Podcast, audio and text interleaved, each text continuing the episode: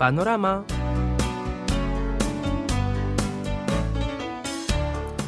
أيها الأصدقاء والأحباء السلام عليكم ورحمة الله وبركاته. أهلا وسهلا بكم معنا مستمعينا الكرام في حلقة جديدة من برنامجكم اليومي سيو البانوراما قبل كل شيء كل عام وأنتم بخير بمناسبة عيد رأس السنة القمرية الجديدة الذي صادف يوم الأحد الماضي.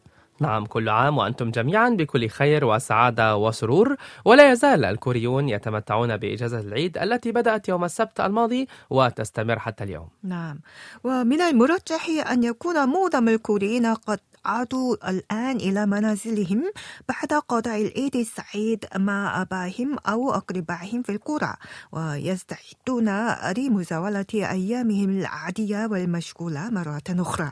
ولدينا نتيجة مسح طريفة تقول إن أهم أسباب العبء الذي يشعر به الكوريون في فترة إجازة العيد هي الإنفاق على مصروفات العيد. نعم.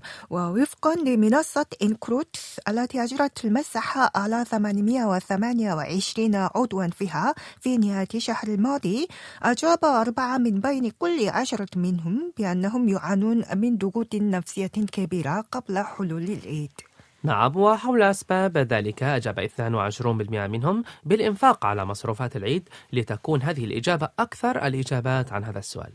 وأجاب 17% منهم بتقليل وقت الحرية الشخصية بينما أجاب 15% منهم بالتشاجر حول الآراء بين أفراد الأسر. كما أجاب 12% منهم بالتذمر.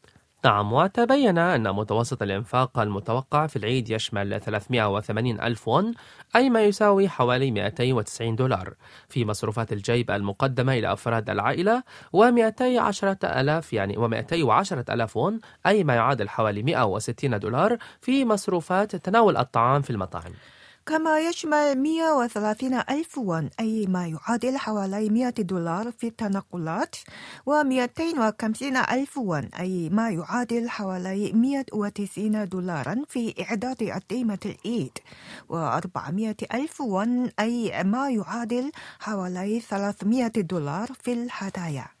نعم هذا يعني أن متوسط إجمالي مصروفات العيد للأسرة الكورية يبلغ مليونا و370 ألف وون أي ما يعادل حوالي 1050 دولار ولهذا يشعر أرباب البيوت بالعبء الاقتصادي بوضوح إذا ماذا عنك؟ هل صرفت كثير من النقود في العيد؟ آه طبعا يعني أنا من الكوريين ولا أستطيع الهروب من هذا الإنفاق وبلا شك يعني قضاء الأعياد أو الإجازات يكلفنا دائما.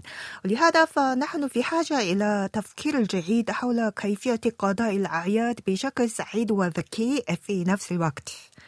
وقبل أن نتعرف على المزيد من الأخبار الكورية الجديدة والخفيفة هيا نستمع إلى هذه الأغنية الكورية بعنوان أفق الحدث. للفنانة يونها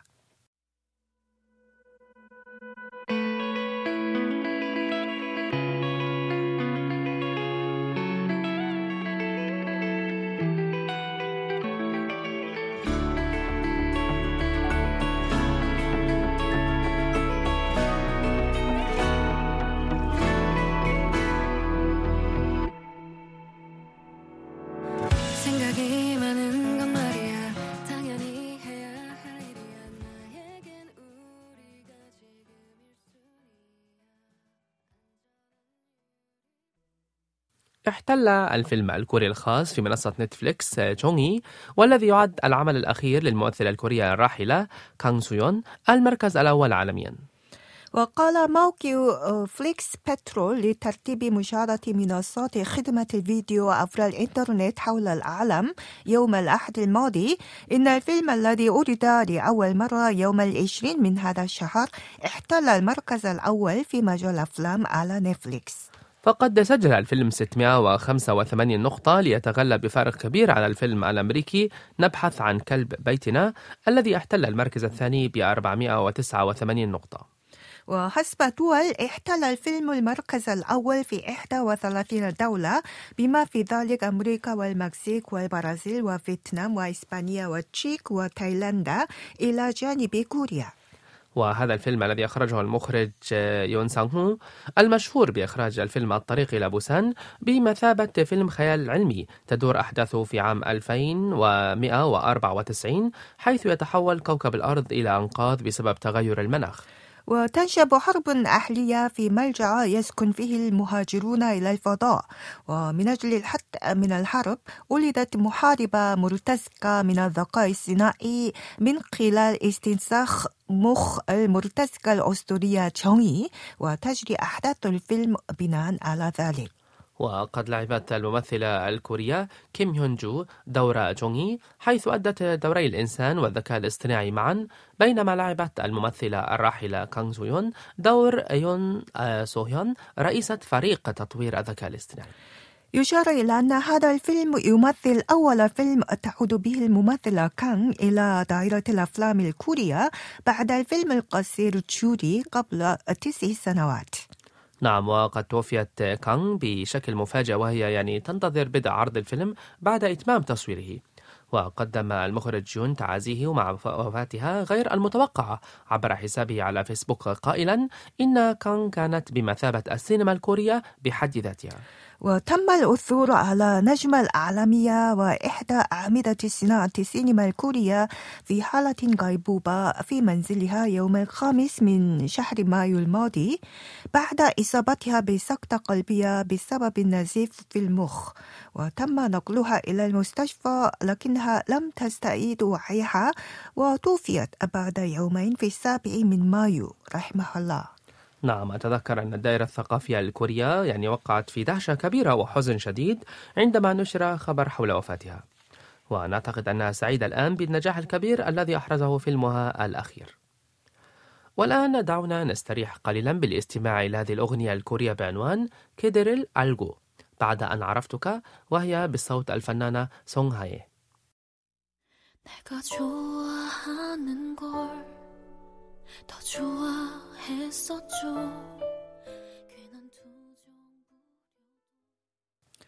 يقبل جيل شباب الكوريين المتعبين باستخدام الهواتف الذكية على استخدام الهواتف القابلة للطي أو أجهزة الكاميرا الرقمية تعد هذه أجهزة قديمة لتقنية المعلومات بالنسبة لشخص ما إلا أن هؤلاء الشباب يعتبرونها أداة جديدة تثير الرجعية ويوضح البعض أنهم يفضلون الأجهزة التي تقدم وظائف بسيطة فقط بسبب التعب الناتج عن الاتصال الدائم بكل شيء.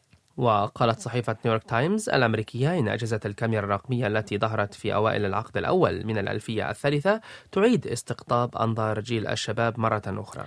ويقدم الشباب أجهزة الكاميرا الرقمية الخاصة بهم عبر منصة تيك توك بينما يتقاسمون الصور الفوتوغرافية التي التقطوها بها عبر إنستغرام. ويمكن القول إنهم يجدون عاطفة جديدة من خلال الأجهزة القديمة ووفقا لصناعة تقنية المعلومات تجاوز عدد مشاهدات الهاشتاج digital camera 200 مليون عبر منصة تيك توك لتقاسم الفيديوهات والتي يسيطر عليها جيل الشباب ومعظمها عبارة عن فيديوهات صورتها كاميرا رقمية مدمجة. ورغم أن هذا النوع من أجهزة الكاميرا لا تنتج ولا تباع حاليا إلا أن جيل الشباب يرونها كمادة جديدة حيث يقوم المشاهير عبر إنستغرام ببناء اتجاه جديد من خلال تقاسم صور أجهزة الكاميرا الرقمية طبعا تنخفض جودة سطوع هذه الصور مقارنة مع سطوع الهواتف الذكية والأخيرة إلا أن الشباب يعتبرونها نتيجة تحمل الشعور بالرجعية. ويقال إن الطلبيات على أجهزة الكاميرا للاستعمال مرة واحدة تتزايد باستمرار بسبب ولع الشباب بالتجارب الطريفة والمتميزة. ووفقا لإحدى وكالات مسح الأسواق من المتوقع أن تنمو سوق أجهزة الكاميرا للاستخدام مرة واحدة بمقدار حوالي 7% سنويا من 838 مليون دولار في عام 2021 إلى مليار و234 مليون دولار في عام 2030 بالفعل ظل جيل الشباب الذين ناموا مع الهواتف الذكية يعيشون الحياة اليومية دون الحاجة إلى أجهزة أخرى. ففي الماضي كان الناس في حاجة إلى أجهزة كاميرا رقمية ومشغلات MP3 وأجهزة نظام الملاحة وغيرها. إلا أن الهواتف الذكية امتصت هذه كلها. فعلا وأصبح كل شيء سهل بسبب ذلك لكن زاد التعب في نفس الوقت ويقال إن بعض الشباب يرغبون في الهروب من الهواتف الذكية ولو لفترة قصيرة. لذلك نقول إننا أصبحنا أسرى الهواتف الذكية ونرغب في الهروب منها أحيانا. وقبل أن ننتقل إلى آخر خبر اليوم هيا نستمع إلى هذه الأغنية الكورية بعنوان تومبوي للفرقة 여자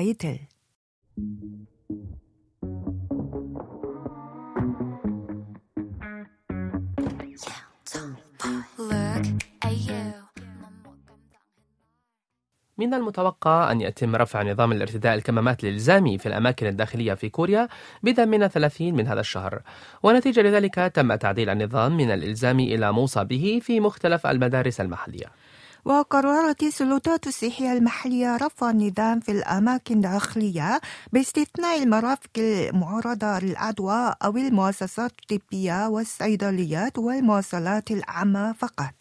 نعم بالنسبة للأطفال والتلاميذ في رياض الأطفال والمدارس فقد ظلوا يعيشون مرتدين الكمامات لمدة حوالي ثلاث أعوام منذ أوائل عام 2020 وبعد تحويل نظام ارتداء الكمامات إلى موصى به سيمكنهم خلوها داخل مباني المدارس إلا أنه من المتوقع أن تحافظ بعض الجهات على ارتداء الكمامات الإلزامي لفترة ما. وقال مسؤول في إحدى رياض الأطفال بالعاصمة سيول إنهم لم يقرروا بعد ما إذا كانوا سيسمحون للأطفال بخلع الكمامات في الداخل. وموضحا أن الزكام منتشر في هذه الشتاء ويشعر أولياء الأمور بالقلق ولهذا سيقررون لاحقا بعد مراقبة الوضع أكثر. وقالت إحدى السيدات التي لديها ابن في المرحلة الابتدائية وبنت في روضة للأطفال إنها لا تزال تشعر بالقلق بسبب ظهور إصابات جديدة باستمرار. ولهذا فإنها تفكر في أن تنصح طفليها بالاستمرار في ارتداء الكمامات خلال الفترة القادمة إذا لم يشعروا بالضيق. ولكن قالت أم أخرى إن طفلها ظل يرتدي الكمامة منذ أن بلغ عمره ثلاث سنوات وحاليا يشعر بالحرج عندما لا يرتديها الأمر الذي يجعلها تشعر بالأسف تجاهه. وأضافت أنها سعيدة الآن لإمكانية تنقله براحة دون ارتداء كمامات. في الحقيقة قبل أيام زرت إحدى الدول الأجنبية ووجدت الناس هناك لا يرتدون الكمامات ولهذا قررت أن أخلع كمامة أيضا طبعا في البداية شعرت بالغرابة ولكن أصبحت متعودة على عدم ارتدائها بسرعة. طبعا يعني في البداية قد يشعر الناس بالارتباك لكنني أعتقد أنهم سيتعودون على عدم ارتداء الكمامات قريبا إن شاء الله. إن شاء الله.